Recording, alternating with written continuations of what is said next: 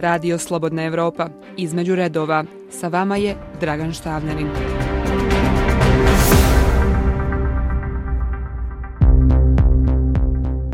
Kako je demokratska stranka socijalista Mila Đukanovića nakon 30-godišnje vladavine u Crnoj Gori ostala u manjini? Dragan Štavljanin podsjeća na Đukanovićev put od saveznika Slobodana Miloševića do njegovog ljutog protivnika i kasnije političke zaokrete. Slavljen je kao otac nacije, ali i optuživan za korupciju i autoritarnu vladavinu. Sada će kao šef države morati da dijeli vlast sa opozicijonom koalicijom koju optužuje da je nacionalistička i prosrpska. Ljudi su uplašeni zato što nakon 30 godina se probudite i shvatite da više niste vlast.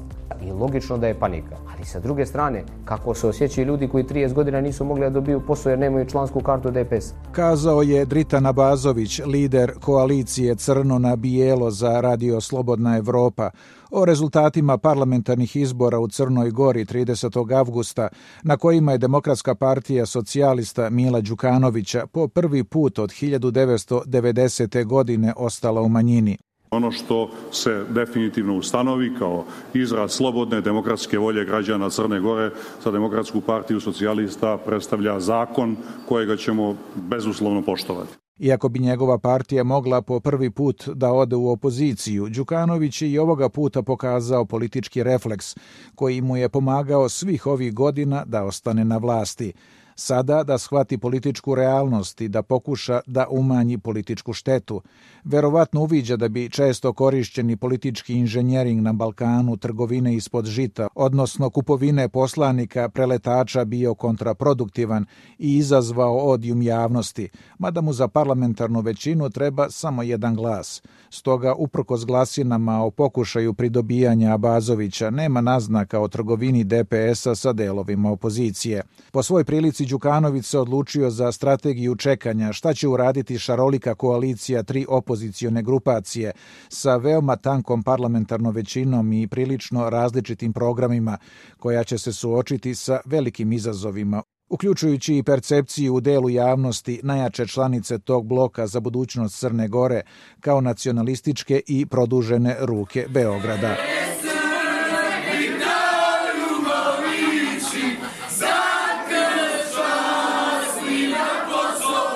Čulo se u izbornom štabu ove koalicije, a napade na prostorije islamske zajednice u pljevljima i ispisivanje grafita sa porukama mržnje vlast je pripisivala opoziciji. Ministar unutrašnjih poslova Mevludin Nuhođić. Ako je neko tokom kampanje kontinuirano stvarao atmosferu da se pripadnicima manjina ovo dogodi. Na onima koji se zalažu za podizanje spomenika fašistima leži najveća odgovornost za ova događanja, jer stvaraju atmosferu za ovo. Dritana Bazović to negira. Ne mogu tri dana u da nađu nekoga ko piše grafite ili lomi stakla. Je li to normalno? Oni treba valjda da patroliraju, da saznaju ko su ti ljudi koji rade te stvari. Zašto ne rade to? Zato što oni to rade.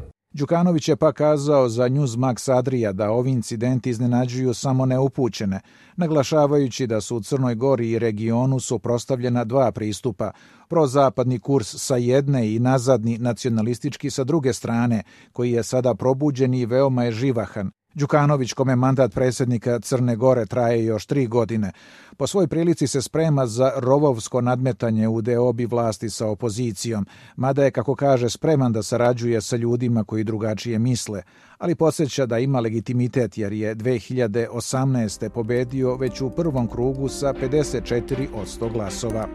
Radio Slobodna Evropa. Između redova. Sa vama je Dragan Štavljanin. Postoje tri velike strasti, alkohol, kocka i vlast. Od prve dve se nekako može izlečiti, od treće nikako. Vlast je i najteži porok. Svi srljaju na vlast kao noćni leptiri na plamen sveće, pisao je Meša Selimović o vlastoljublju. Crna Gora je evropski rekorder po dužini staža njenog lidera Mila Đukanovića, 30 godina na vlasti. Istovremeno Crna Gora je jedina postkomunistička zemlja u kojoj nije došlo do diskontinuiteta sa prethodnim jednopartijskim sistemom. Naime, Đukanovićev DPS je naslednik Saveza komunista. Njegovi sledbenici kažu da su se suštinski promijenile okolnosti, tačnije da je uveden višepartijski sistem te da ona opstaje na vlasti zahvaljujući podršci građana. Međutim, na Balkanu je u političkoj praksi još uvek aktualna krilatica čuvenog srpskog premijera Nikole Pašića, da onaj ko organizuje izbore, taj ih i dobija. Đukanović je pokazivao svih ovih godina izuzetnu sposobnost da pravovremeno reaguje i prilagodi svoju politiku, pa čak i da je diametralno promeni, a da to ne izgleda protivrečno, nego kao prirodni sled poteza, predstavljajući ih kao državnički dalekovide u interesu Crne Gore. Vešto je kormilario između veoma oštrih balkanskih političkih hridi i nakon svakog zaokreta izlazio je jači. Sve mu je išlo u prilog ili bolje rečeno sam je stvarao prilike. Najpre podrškom, a posle distanciranjem od Slobodana Miloševića, balansiranjem 1990-ih između unitarista i pristalica secesije Crne Gore. Kada je 1992. optuživao Liberalni savez za separatizam, a 14 godina kasnije preuzeo od njih barijak obnove crnogorske državnosti, otvaranjem Crne Gore za ruske investicije, a posle postao glavna brana uticaju Moskve u zemlji. Iako naslednik Saveza komunista, Đukanović je uspeo da njegov DPS deluje moderniji od političkih protivnika, pre svega prosrpske opozicije. Neprikosnovena moć u zemlji mu je garantovala da ga zapadni partneri tretiraju kao nezaobilazni faktor ne samo u Crnoj Gori, već i u regiji. Istovremeno ta percepcija međunarodne zajednice Đukanovića kao nezaobilaznog faktora stabilnosti pomagala mu je da dodatno učvrsti vlast u zemlji. Nisu mu naškodile ni istrage italijanskih tužilaca za švert cigareta, niti mnoge druge optužbe o sumnjivim poslovima, dok je u susednoj Hrvatskoj premijer Ivo Sanader završio u zatvoru zbog raznih malverzacija. Uzalud, barem sada tako izgleda, tih godina se govorilo da će se sanaderizacija ubrzo proširiti i na Crnu Goru. Video je leđa mnogima koji su želeli da ga politički uklone, pre svega Slobodanu Miloševiću, zatim nekadašnjem saborcu Momiru Bulatoviću.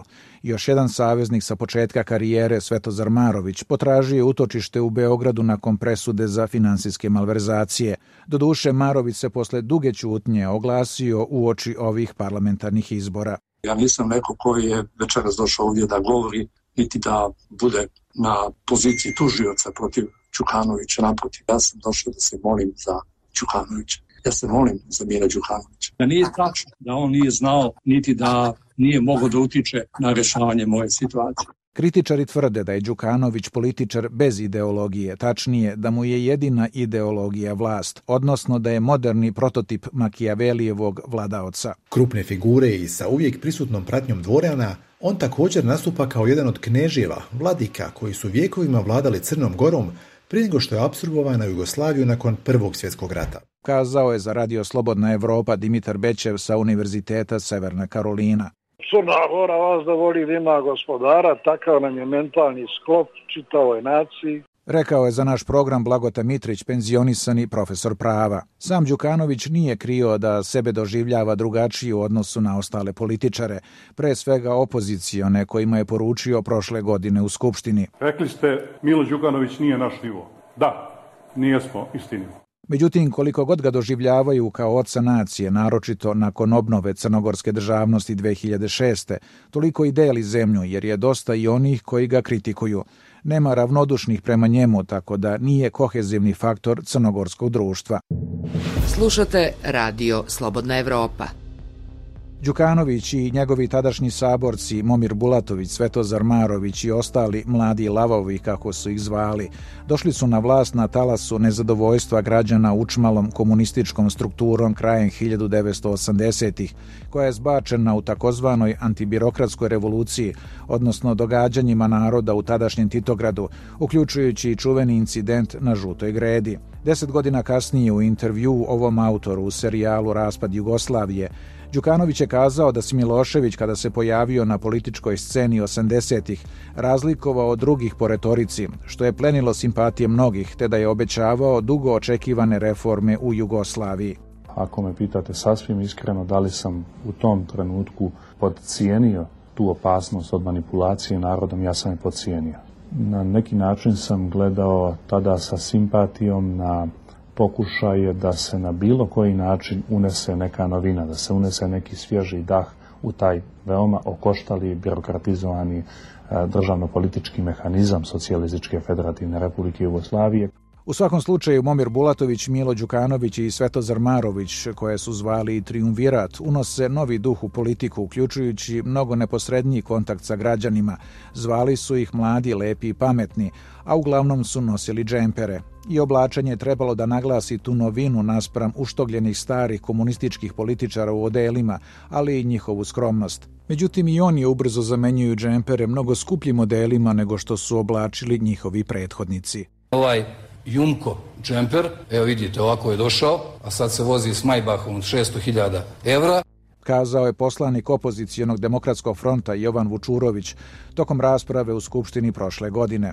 Bilo kako bilo, nova garnitura uživa veliku popularnost, pa se na skupovima građana često koristila krilatica Niko ne sme da nam dira, sveta, mila i momira.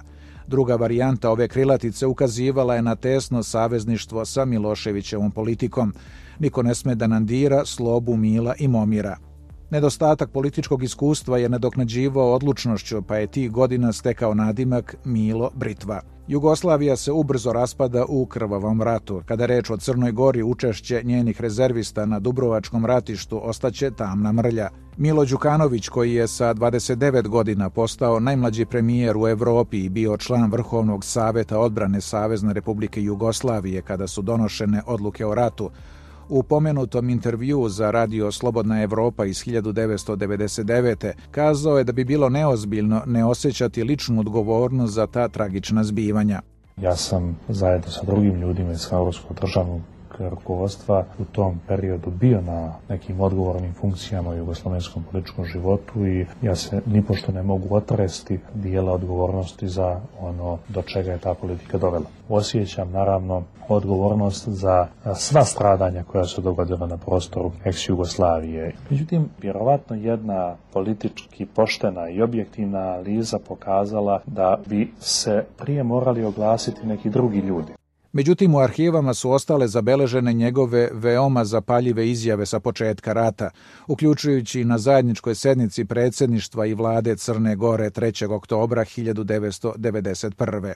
Rat ćemo dobiti, baš kao što smo takve protivnike kakvi su oni pobjeđivali tokom čitave naše istorije. Samo ovoga puta ćemo ih pobjediti i završiti zajednički život sa njima, nadam se, za sva vremena. Tada je izjavljivao i da je zbog hrvatske šahovnice zamrznuo šah. Liberalni savez Crne Gore u to vreme bio među redkim kritičarima takve politike. Njegov lider Slavko Perović u govoru na mitingu na Cetinju 13. jula 1992. Danas je Crna Gora sinonim za stranog agresora, rušitelja, okupatora. Danas sveti i nevini grobovi crnogorske mladosti postavljaju pitanje zašto Mnogo godina kasnije, tačnije 2015. Dritana Bazović je optužio u Skupštini Đukanovića za podršku ratnoj politici, uključujući snagama bosanskih Srba. U vašem političkom CV-u stoji i napad na Dubrovnik, i štrpci, i deportacije, i ulivanje nafte u mašineriji Ratka Mladića. Đukanović je to negirao. Prestanite da falsifikujete. Jedan od falsifikata je kako sam ja neđe bio na Dubrovniku apsolutna neistina, još besmislenija priča o štrpcima, gdje imamo sudski proces koji je dokazao da su u tom nečovječnom aktu učestvovali ljudi iz druge države i napokon, kako sam ja navodno obezbjeđivao gorivo za punjenje tenkova koji su rušili Bosnu. Dakle, apsolutna neistina. U svakom slučaju, pristup crnogorskog rukovodstva početkom 90-ih je očito bio na tragu politike Rad za mir, kako ju je tada opisao Svetozar Marović. Đukanović je tokom susreta sa predsjednikom Hrvatske Stipo Mesićem u Caftatu 2000. godine izrazio žaljenje zbog zbivanja na Dubrovačkom ratištu. Deceniju i pokasnije nakon pomenute epizode, tačnije 2007. Maroviću i Đukanoviću su dodeljena priznanja za mir i humanizam od internacionalne Nacionalne lige humanista. Slobodnaevropa.org U prvoj polovini 90-ih nije bilo vidljivijih disonantnih tonova između Miloševića i crnogorskog rukovodstva, mada je tu i tamo bilo nesuglasica kao što je Žabljački ustav iz 1992.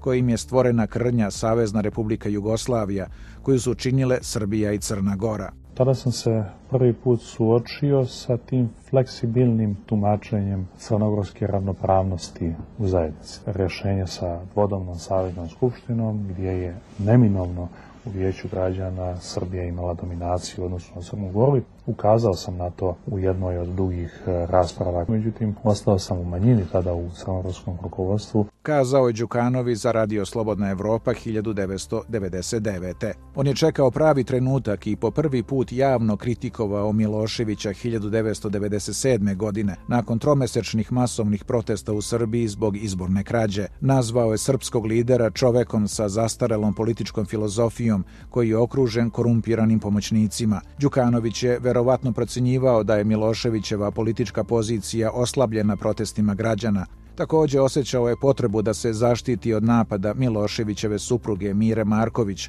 koja je želela da osniva podružnice svoje jugoslovenske levice i u Crnoj Gori. Istovremeno u tadašnjim medijskim arhivima je zabeležena i nezvanična verzija da je Mira Marković želela da zaštiti interese svog sina Marka u švercu cigaretama, zašto je posle 2000. godine i optužen pred srpskim pravosuđem, u kojem je navodno i Đukanović imao udela. Razilazi se sa dojučerašnjim saborcem Momirom Bulatovićem sa kojim se sučelio na predsjedničkim izborima 1997.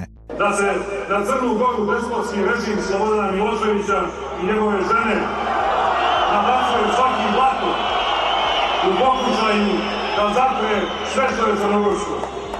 Samo zato što je Crna Gora stala u odbranu onog ustavom utvrđenog nivoa svoje državnosti. Bulatović je pa kritikovao Đukanovića da je uzurpirao vlast u Crnoj Gori. Jer političke partije koje na njima učestvuju nemaju ni izbliza jednake uslove i mogućnosti. Od strane državnih medija se planski iskrivljuje smisao naših političkih zalaganja, a naša politička partija se tako svodi na nečiju ekspozituru koja, kako oni kažu, izdaje interese Republike Crne Gore. Đukanović postaje predsjednika, njegova partija pobeđuje i na izborima za Crnogorski i Jugoslovenski parlament 1998. Iako je Slobodan Milošević otvoreno podržavao Bulatovića i čak učestvovao na mitingu na severu Crne Gore. Prvi put u svojoj istoriji Crna Gora ne brani svoju slobodu i nezavisnost oružjem. Prvi put brani ih samo čašću. Ja vaš interes vidim u slobodnoj i nezavisnoj zemlji zajedno sa Srbijom. Đukanović od 1998. prekida odnose sa saveznim institucijama u Beogradu kao reakcija na ignorisanje većinske volje crnogorskih građana, odnosno Miloševićeve odluke da za jugoslovenskog premijera postavi Momira Bulatovića, iako je njegova partija izgubila na izborima u Crnoj Gori. Uspeo je da sačuva mir uprkos provokacijama 7. bataljona Vojske Jugoslavije, čije je delovanje u Crnoj Gori bilo provokativno. Đukanović je priznao prošle godine u Skupštini da je u poslednje vreme njegov najveći rival, mitropolit Srpske pravoslavne crkve u Crnoj Gori Amfilohije, tih 90. godina odigrao pozitivnu ulogu. Nakon zloslutnih poziva sa tog istog skupa da se ide na Tuz, nakon odlazaka tih građana pred kasarne vojske Jugoslavije u Crnoj Gori da traže oružje. Dakle, u tom trenutku je mitropolit Crnogorsko-Primorski zaista djelao pomiriteljski i skidam kapu za to. I danas, kao i tada. Ali ne skidam kapu za neke poteze koji u sledećem razvoju događaju, uključujući i aktuelne, djeluju sa potpuno suprotnim namjerom. Uprkos aktuelnim žestokim međusobnim optužbama, hroničari se sećaju da je Amfilohije pomogao Đukanoviću da na izborima 1997. pobedi Momira Bulatovića. Tada je pozvao Đukanovića, koji je bio u manjini u rukovodstvu DPS-a, da poseti temelje hrama u Podgorici koji se tada gradio, što su mediji propratili čime je poslata poruka biračima. Inače, ispred ovog hrama su nedavno održani protesti u organizaciji Srpske pravoslavne crkve zbog spornog zakona o slobodi veroispovesti. Amfilohije je bio relativno uzdržan tokom referendumske kampanje za nezavisnost Crne Gore 2006. Doduše bio je veoma kritičan kada je Crna Gora priznala Kosovo. Sam Amfilohije navodi da mu je nuđeno da bude crnogorski patrijarh, ali da je odbio.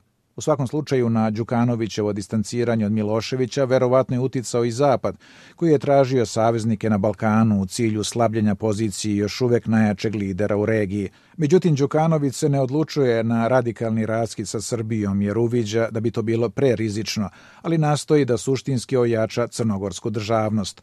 Bojkotuje savezne izbore 2000. na kojima je Milošević zbačen, pruža utočište liderima srpske opozicije u Crnoj Gori, među njima i Zoranu Đinđiću, kasnije srpskom premijeru, pomaže ih logistički, ali odbija njihov poziv da se udruže protiv Miloševića. Čak ni američka državna sekretarka Madeleine Albright nije uspela da ga ubedi da ne bojkotuje pomenute izbore. Radio Slobodna Evropa. Između redova. Sa vama je Dragan Štavljanin. Njegova odluka da 2000. prihvati Beogradski sporazum o stvaranju državne zajednice sa Srbijom razočarala je mnoge njegove pristalice jer su smatrali da je konačno došao trenutak da Crna Gora obnovi svoju nezavisnost. Međutim, Đukanović je očito procenio da još nije vreme jer je bio izložen žestokom pritisku Evropske unije da prihvati to rešenje koja je smatrala da nakon pada Miloševića nema razloga za razlaz Srbije i Crne Gore. Nakon što je istekao Beogradski sporazum u Crnoj Gori je 2006. raspisan referendum o nezavisnosti. Srećna nam nezavisna, međunarodno priznata država Crna Gora.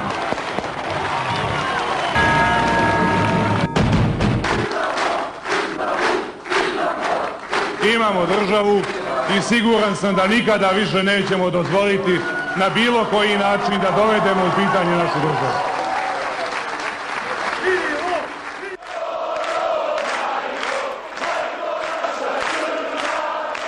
Đukanović je istovremeno čestitao i nezavisnost Srbiji. Naša nezavisnost u interesu naše dobre i bliske evropske budućnosti, da nije motivisana nanošenjem štete bilo kome, želim na ovaj način da čestitam nezavisnost državi Srbiji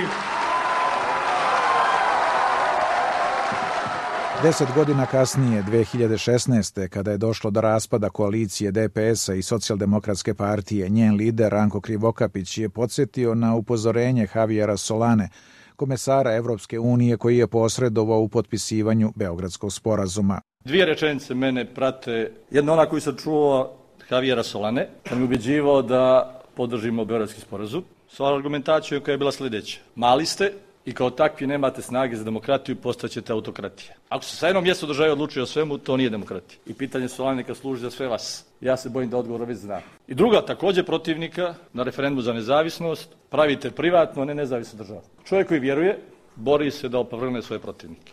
Međutim, sve ima svoj limit. Đukanović je 2019. odbacio tvrdnje da je Crna Gora spržena zemlja i privatna država. U nedostatku drugih argumenta, dakle tada je potegnut kao krunski argument pod navodnicima, ako Crna Gora postane nezavisna, biće privatna. E ta privatna zemlja je po ocijenama naših međunarodnih partnera umeđu vremenu zavrijedila i status članice NATO-a i status zemlje lidera u pregovaračkom procesu. On je to podkrepio podacima. Prije tri godine bili smo na 46% prosječnog evropskog životnog standarda. Procjene govore da smo na kraju 2019. dostigli 49%. Podsjećam, u godini obnove državne nezavisnosti bili smo na 36%. Međutim, Krivokapić ističe da Crna Gora ima gore ekonomske pokazatelje nego u vreme socijalizma. Crnu Goru koja je imala više zaposlenih u privredi nego što sad ima. Crnu Goru koja je tada imala isti broj noćenja kao ova sada razvijena turistička ekonomija. Pritom nisu obračunavali Bosnance, Srbe, Hrvate kao strane goste. Ova još nije stigla do te Crne Gore. Pritom je ova Crna Gora prodala sve što je stvorila ona Crna Gora. Raste dug Crne Gore, pre svega prema Kini, zbog čega su u Evropskoj uniji upozorili da to može povećati njenu zavisnost od zvanično Pekinga. Inače, nakon prisustva sahrani premijera Srbije Zorana Đinđića 2003. Đukanović nije bio 10 godina u Beogradu, iako je predsjednik Srbije Boris Tadić dan nakon referenduma o nezavisnosti došao u Podgoricu da čestita crnogorskim zvaničnicima. Razlog su zategnuti odnosi sa srpskim premijerom Vojislavom Koštunicom koji je obstruirao referendum i kasnije nezadovoljstvo Beograda nakon što je Crna Gora priznala nezavisno Kosovo. Posetio je prestonicu Srbije tek 2013. gde je na vlast godinu dana ranije došao Aleksandar Vučić. Slušate između redova podcast radija Slobodna Evropa. Pronađite nas i na www.slobodnaevropa.org. U pripremama za referendum računao je pre svega na podršku Zapada, ali mu je pomagala i Rusija. Naime, vlada Crne Gore je godinu dana pre referenduma 2006. prodala kombinat aluminijuma u Podgorici ruskom oligarhu Olegu Deripaski. Nakon referenduma stižu i ostali ruski investitori. Montenegro was very welcoming for Russian investment. Crna Gora je pre nekoliko godina bila prilično otvorena za ruske investicije. Dosta Rusa je uspostavilo poslovne kontakte i razvilo biznise u Crnoj Gori kupilo zemljište. Dakle, gospodin Đukanović je to želeo. Stoga je čudno da se on sada žali zbog ruskog uplitanja, budući da je to dugogodišnji trend. Kazao je 2015. godine za radio Slobodna Evropa bivši međunarodni zaslanik u Bosni i Hercegovini Volgan Petrić. U međuvremenu kombinat aluminijuma je dobio novog vlasnika, spor sa deripaskom tajkunom bliskom Kremlju poklopio se sa zahlađenjem odnosa Moskve i Podgorice, kako se Crna Gora približavala i napokon ušla u NATO 2017. godine. Postoji i politička i strateška dimenzija. Rusija je definitivno protiv ulaska bilo koje zemlje sa ovih prostora u NATO. Zbog toga je ostalom i izbio sukob u Gruziji. To je između ostalog i uzrok sukoba u Ukrajini. Dodaje Volgan Petrić. Slušate Radio Slobodna Evropa. Đukanović se tri puta povlačio sa državnih funkcija, ali i vraćao. Prvi put je to učinio 2006. što je bio dobar tajming jer je Crna Gora obnovila svoju državnost i to mu je garantovalo trajno mesto u nacionalnoj istoriji. Svoju odluku je obrazložio umorom od bavljenja visokom politikom. Međutim, zadržao je lidersku poziciju u partiji koja je zapravo ključna u državi, jer gde je Milo, tu je i moć. U međuvremenu posvetio se biznisu. Međutim, vraća se 2008. jer se njegov naslednik na premijerskoj funkciji Željko Šturanović razboleo i potom preminuo. Drugi put je otišao 2010. Tajming je opet dobro odabran jer je Crna Gora dobila status kandidata za članstvo u Evropskoj uniji. Nasleđuje ga mladi Igor Lukšić, ali se Đukanović opet vraća 2012. Po treći put se povlači 2016. nakon parlamentarnih izbora i slučaja državni udar, odnosno navodnog pokušaja Rusije da ga zbaci.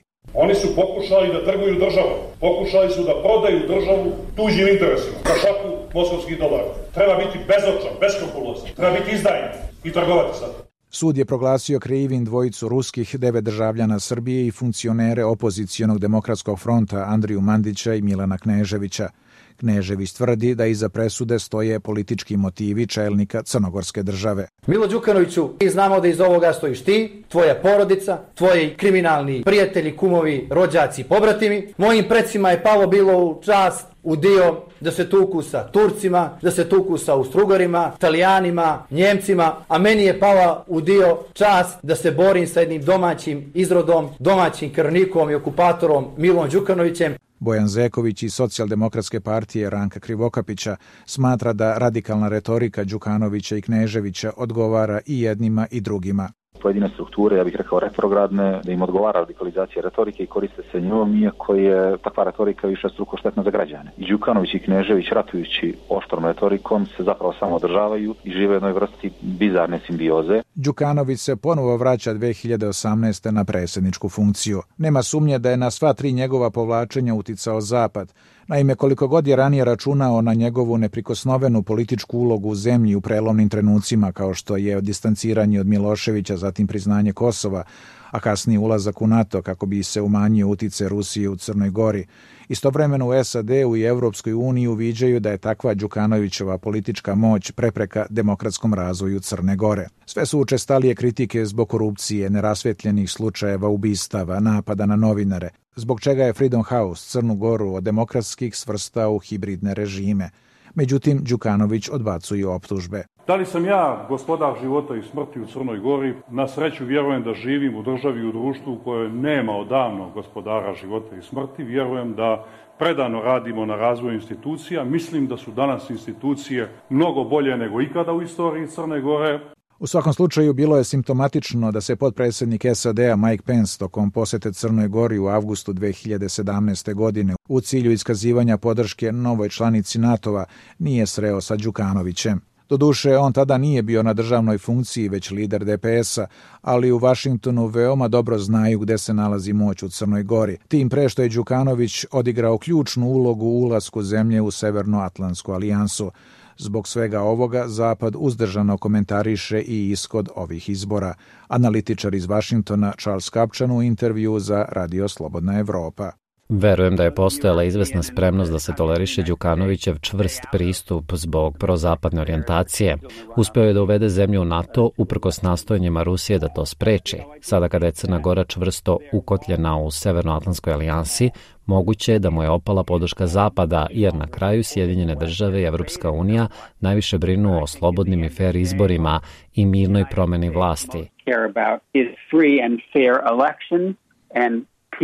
Changes of power.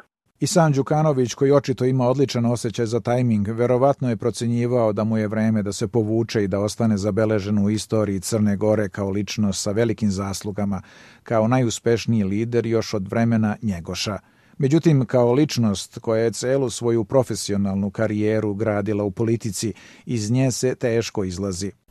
Đukanović je upao u zamku sistema koji je stvorio. Kazao je prošle godine za Radio Slobodna Evropa profesor iz Graca Florian Biber. U tom sistemu je postao najmoćniji političar i stekao znatan imetak. Prema pisanju britanskog independenta iz 2010. tada se nalazio na 20. mestu najbogatijih lidera na svetu sa 11,5 miliona evra. O njegovim sumnjivim poslovima, kao i njegove porodice, sina, brata, sestre, piše ne samo domaća, već i strana štampa. Ređale su se razne afere poput slučaja balkanskog narkobosa Darka Šarića, ali je Đukanović negirao umešanost. Moje odgovornosti o tome da li je Šarić ili bilo ko drugi donosio novac u ovu ili onu banku. Izvinite, sam ja predsjednik vlade i šta sam, direktor banke? Suvlasnik, pa odlično, bio suvlasnik, sam 0,1%, je li svaki suvlasnik od 0,1% odgovara za poslovanje neke kompanije? Međutim, Međunarodna novinarska mreža otkrila je da je Šarić preko svoje firme uplatio 4,2 miliona evra depozita u Crnogorsku prvu banku, čiji je većinski vlasnik Đukanovićev brat. Početkom 2016. došlo je do raspada koalicije DPS-a i socijaldemokratske partije Ranka Krivokapića, koji je optužio vlast za malverzacije. Ja ću biti posljednji koji ću od sada braniti ono što se stvorili predsjedniče Đukanoviću. Kad svi odu, ja ću biti tu da branim vaše dostignuće. Jer ovoj Crnoj Gori treba ime Mila Đukanovića, ali koje nije ugroženo od Mila Đukanovića. Ono Mila Đukanovića koje stvori istorijske stvari u Crnoj Gori, koje ugrožava ovaj Mila Đukanović. Đukanović je pak optužio Krivokapića za izdaju Crne Gore. Mislim, uglavnom socijaldemokratsku partiju i građanski pokretura su u jednom značajnom periodu zaista doprinosili afirmaciji crnogorskih nacionalnih interesa, ali to što u jednoj fazi doprinosiš ti ne može biti alibi da se u bilo kom sledećem trenutku nađeš na strani izdajnika. Oni su danas na strani izdajnika. Oni danas daju najveću potporu izdaji Crne Gore. Radio Slobodna Evropa. Između redova. Sa vama je Dragan Štavljanin. Početkom 2019. u vreme afere Koverat javnost je bila zaokupljena pitanjem ko je stvarni vlasnik vile u naselju Gorica, veličine 2000 kvadratnih metara. Đukanović je negirao tvrdnje biznismena Duška Kneževića da ovaj objekat pripada njemu. Sve što je tačno oko kuće, dakle tačno je da je onaj ko je vlasnik tog objekta razgovarao sa mnom o tome da mi to ponudi. Tačno je da sam razgovarao sa njim jer smo prijatelji, rekao sam da me to ne zanima u ovom trenutku. A da, ako kojim slučajem valorizujem nešto što je trenutno u mom vlasništvu, vlasništvu moje kompanije, da ne isključuje mogućnost da bih možda mogao biti kupac toga. Jer, gle čuda i ja želim da ostatak života u Crnoj Gori možda provedem u kući, a ne u stanu. Mnogi su postavljali pitanje odakle mu novac za eventualnu kupovinu ove kuće, čija se vrednost procenjuje na 10 miliona evra. On je na to odgovorio na konferenciji za novinare. Sve što sam stekao u Crnoj Gori i bilo gdje drugo, stekao sam vrlo regularno i vrlo legalno. I nemam nikakvu potrebu da to skrivam. U nekoliko navrata sam napuštao državnu politiku i bavio se biznisom i sam u tim biznisima stekao određeni kapital. Na stečani kapital platio porez. Međutim, u vreme dok se bavio biznisom bio je šef vladajućeg DPS-a, što je politički najmoćnija pozicija u državi, pa kritičari ukazuju na konflikt interesa. Marina Jočić, poslanica Demokratskog fronta. Da citiram američku ambasadoru. Vlast u Crnoj Gori ne treba da uzima sve za sebe, treba nešto i narodu da da. I da je u Crnoj Gori endemska korupcija. Istovremeno Đukanović je negirao navode biznismena Duška Kneževića da je DPS tražio od njega pare. Gospodin Knežević je kao i, i svi drugi ljudi u Crnoj Gori imao mogućnost da finansira i da pomogne onu politiku za koju je smatrao da će donijeti dobre benefite i njemu. Ono što kategorički pobijam, to je da je bilo ko, a posebno ja, ikog u Crnoj Gori pozvao da mu naloži šta treba da uradi kako da plati našu partiju. To je apsolutna neistina. Knežević, nekada blizak vlastima, objavio je tada snimak na kome se vidi kako bivšem gradonačelniku Podgorice Slavoljubu Stjepoviću u oči izbora 2016. predaje kovertu sa, kako tvrdi, 97,5 hiljada evra. U međuvremenu afera Koverat izazvala je proteste građana. Dosta je više ovom narodu vaše bahatosti i nepotizma. Dosta je više ucjenjivanja, prijetnji, podmićivanja i lažnih obećanja. Međutim, i ovaj slučaj, kao i prethodne afere, činilo se da nisu uzdrmale Đukanovića, koji je poručivao opoziciji. Sve dok ne prepoznate da mi vladamo zahvaljujući vašim slabostima, mi ćemo i dalje vladati. Slušate između redova podcast radija Slobodna Evropa. Pronađite nas i na www.slobodnaevropa.org. 2019. godine vlasti predlažu i usvajaju zakon o slobodi veroispovesti, kojim se predviđa između ostalog da imovina verskih zajednica od pre 1918.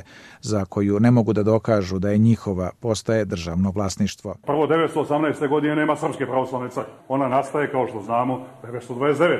1918. postoji Crnogorska pravoslavna crkva. 1918. u pravnom sistemu Crne Gore ne postoji akt kojim je drugačije definisana imovina crkve do kao državna. Data na upotrebu crkvi, kako je sada tako pravno utemeljena imovina države, prešla u druge ruke. E to moramo da vidimo. Srpska pravoslavna crkva smatra da je reč o otimačini, mitropolit Amfilohije. I neka donose zakone koji su saglasni vjekovnom predanju ovoga naroda i Crne Gore. Takve zakone i da ne ugrožavaju jedni druge, da ne stvaraju razdore i mržnju na razdorima i mržnji, da ne grade budućnost Crne Gore. Na Đukanovićev stav da će sve što je oteto Crnoj Gori biti vraćeno, reagovala je i prosrpska opozicija. Jovan Vučurović iz Demokratskog fronta. I neka upravo on, neka Milo Đukanović vrati Crnoj Gori ono što je oteo u posljednjih 30 godina. Istovremeno Đukanović pominje i obnovu Crnogorske pravoslavne crkve. Dakle, mislim da ideja obnove Crnogorske pravoslavne crkve ima puno istorijsko utemeljenje, ali e, to nije predmet zakona. Zakonom se ne obnavlja Crnogorska pravoslavna crkva, zakonom se definišu neka druga pitanja i pravno uređuje položaj vjerskih zajednica u jednoj demokratskoj državi. U međuvremenu širom Crne Gore počinju protesti pristalica Srpske pravoslavne crkve.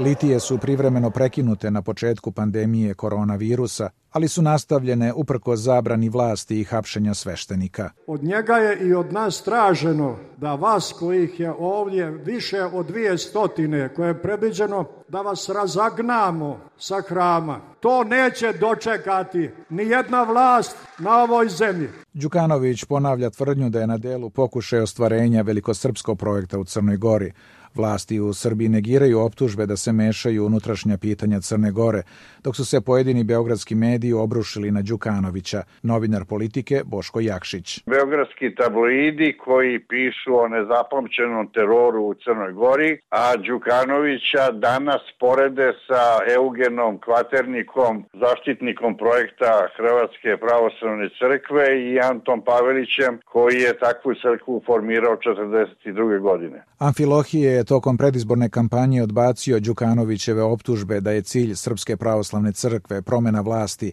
a ne zakona o slobodi veroispovesti. Ove litije koje su bile kod nas, koje neki proglašavaju da su one političke, one nemaju nikakve veze sa nekakvom politikanstvom, to su litije naroda koji se dogodio. S druge strane, Đukanović negira kritike Srpske pravoslavne crkve i prosrpske opozicije da su Srbi diskriminisani u Crnoj Gori. O diskriminisanosti Srba najbolje svjedoči opet ona statistika, rećete i to, vjerovatno da je lažna. 91. godine je bilo 9% Srba u Crnoj Gori, sada ih ima 28%. Nasuprot tome, čini mi se da je podatak da je u Srbiji bilo 140.000 crnogoraca u apsolutnim brojima, sada ih ima 40.000. U svakom slučaju nikada nije bila takva politička mobilizacija u predizbornoj kampanji, što je na kraju pokazala i izlaznost od više od tri četvrtine birača. DPS-u nije pomoglo ni Đukanovićevo pozivanje na pohvale iz sveta na račun Crne Gore.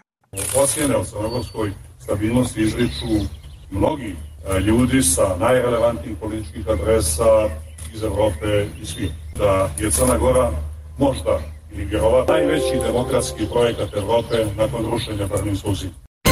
Slobodna Evropa.org Budite online s radijom Slobodna Evropa. Narode Crne Gore, desila se sloboda. Kazao je čelnik prosrpske liste za budućnost Crne Gore Zdravko Krivokapić nakon saopštavanja izbornih rezultata. Daliborka Uljarević, direktorka Podgoričkog centra za građansko obrazovanje, rekla je za Radio Slobodna Evropa da je reč o istorijskoj promeni. Duh iz boce je pušten i prosto e, ljudi već razmišljaju drugačije. Mišljenja građana su podeljena. Ja sam zahvalna Bogu gospode velikome na pobjedu. Živjela sam za ovaj dan. Ne znam kako će biti. Nadam se da će mladi ljudi konačno dobiti prostora. Malo iznenađenje što su ovakvi rezultati, ali tu smo, prihvatamo sve što je bilo na demokratskom nivou. Najzad je slobodna Crna Gora. Ovo je jedan veliki demokratski kapacitet koji je Crna Gora pokazala da su promene moguće i da su promene moguće bez ikakvih tenzija. Naše dijete se niđe nije moglo zaposliti, znači samo kum prijatelj njihovi su radili, da smo morali da šutimo u svoju državu. Daliborka Uljarević. Zasićenost i ogorčenost vladavinom DPS-a koji ne samo da je ušao u fazu dekadencije, nego se Đukanović sama i mnogi oko njega su se otuđili i prosto su svojom bahatošću počeli sve više da iritiraju građane. I dok mnogi smatraju da je Đukanović opstajao svih ovih godina predstavljajući se kao umerena alternativa nacionalističkoj opoziciji, po mišljenju Ivana Sekulovića, saradnika Podgoričkog centra za demokratiju, Đukanovićevo lažno pozicioniranje kao levičara jedan je od uzroka izbornog poraza DPS-a i kompromitacije ideja levice na Balkanu i posledično glavna hrana velikosrpske ideje kao alternative. Analitičar iz Berlina Bodo Weber u intervju za Radio Slobodna Evropa podjele u Crnoj Gori koji još potiču od referenduma za nezavisnost na jednoj strani, a na drugoj strani izbor protiv autokratske vladavine koji vjerovatno preša svoj prag istorijske održivosti Daliborka Uljarević. Izbori koje je izgubila Demokratska partija socijalista prije svega, a onda ih je dobila opozicija. Jer moj je utisak da su se građani prije svega opredeljivali protiv DPS-a, a onda su uzimali ono što je prosto postojalo u nekoj opozicijonoj ponudi. Bodo Weber kaže da je postojala i nejasnoća u međunarodnoj percepciji. Na jednoj strani percepcija o onom standardno vrlo šematsko proevropskoj i proruske opcije, a na drugoj strani cjelokupna nelagodu za ovom 30 godina autokratske vlasti koje se nikad nije mijenalo i sve što ide uz to. Slobodnaevropa.org Čelnici tri grupacije koji su potpisali sporazum o formiranju nove vlasti nastoje da uvere ne samo političke protivnike u Crnoj Gori, već i Zapad, da neće promijeniti spoljnopolitičku orijentaciju zemlje. Dritan Abazović. Crna Gora neće postati nikakva srpska Sparta. Crna Gora neće postati nikakva pokrajina ni Velike Albanije, ni Velike Srbije, niti bilo koje druge države.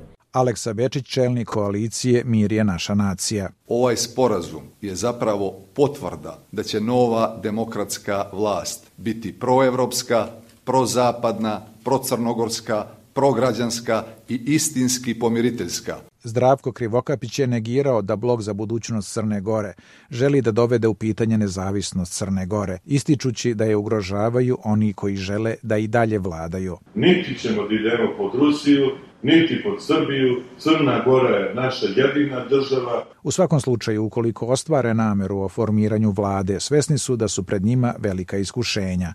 Dritana Bazović. Čekaju nas veliki ekonomski izazovi, čekaju nas veliki socijalni izazovi, čekaju nas nagomilani problemi koji čekaju rešavanje evo 30 godina. S druge strane, DPS je pred iskušenjem da spreči osipanje članstva, što je uobičajeno za stranke koje posle duge vladavine izgube na izborima. U međuvremenu sa svojim liderom na čelu države čekat će svoju šansu s obzirom na tanku novu parlamentarnu većinu, zatim šarolikost programa njenih članica, kao i izazove sa kojima će se suočiti nova vlada. Stoga Đukanovićev DPS nije pao, već poklekao i imaće priliku da se vrati na vlast ali od toga ko je na vlasti u Crnoj Gori, važnije je da je konačno uspostavljen princip njene smenjivosti.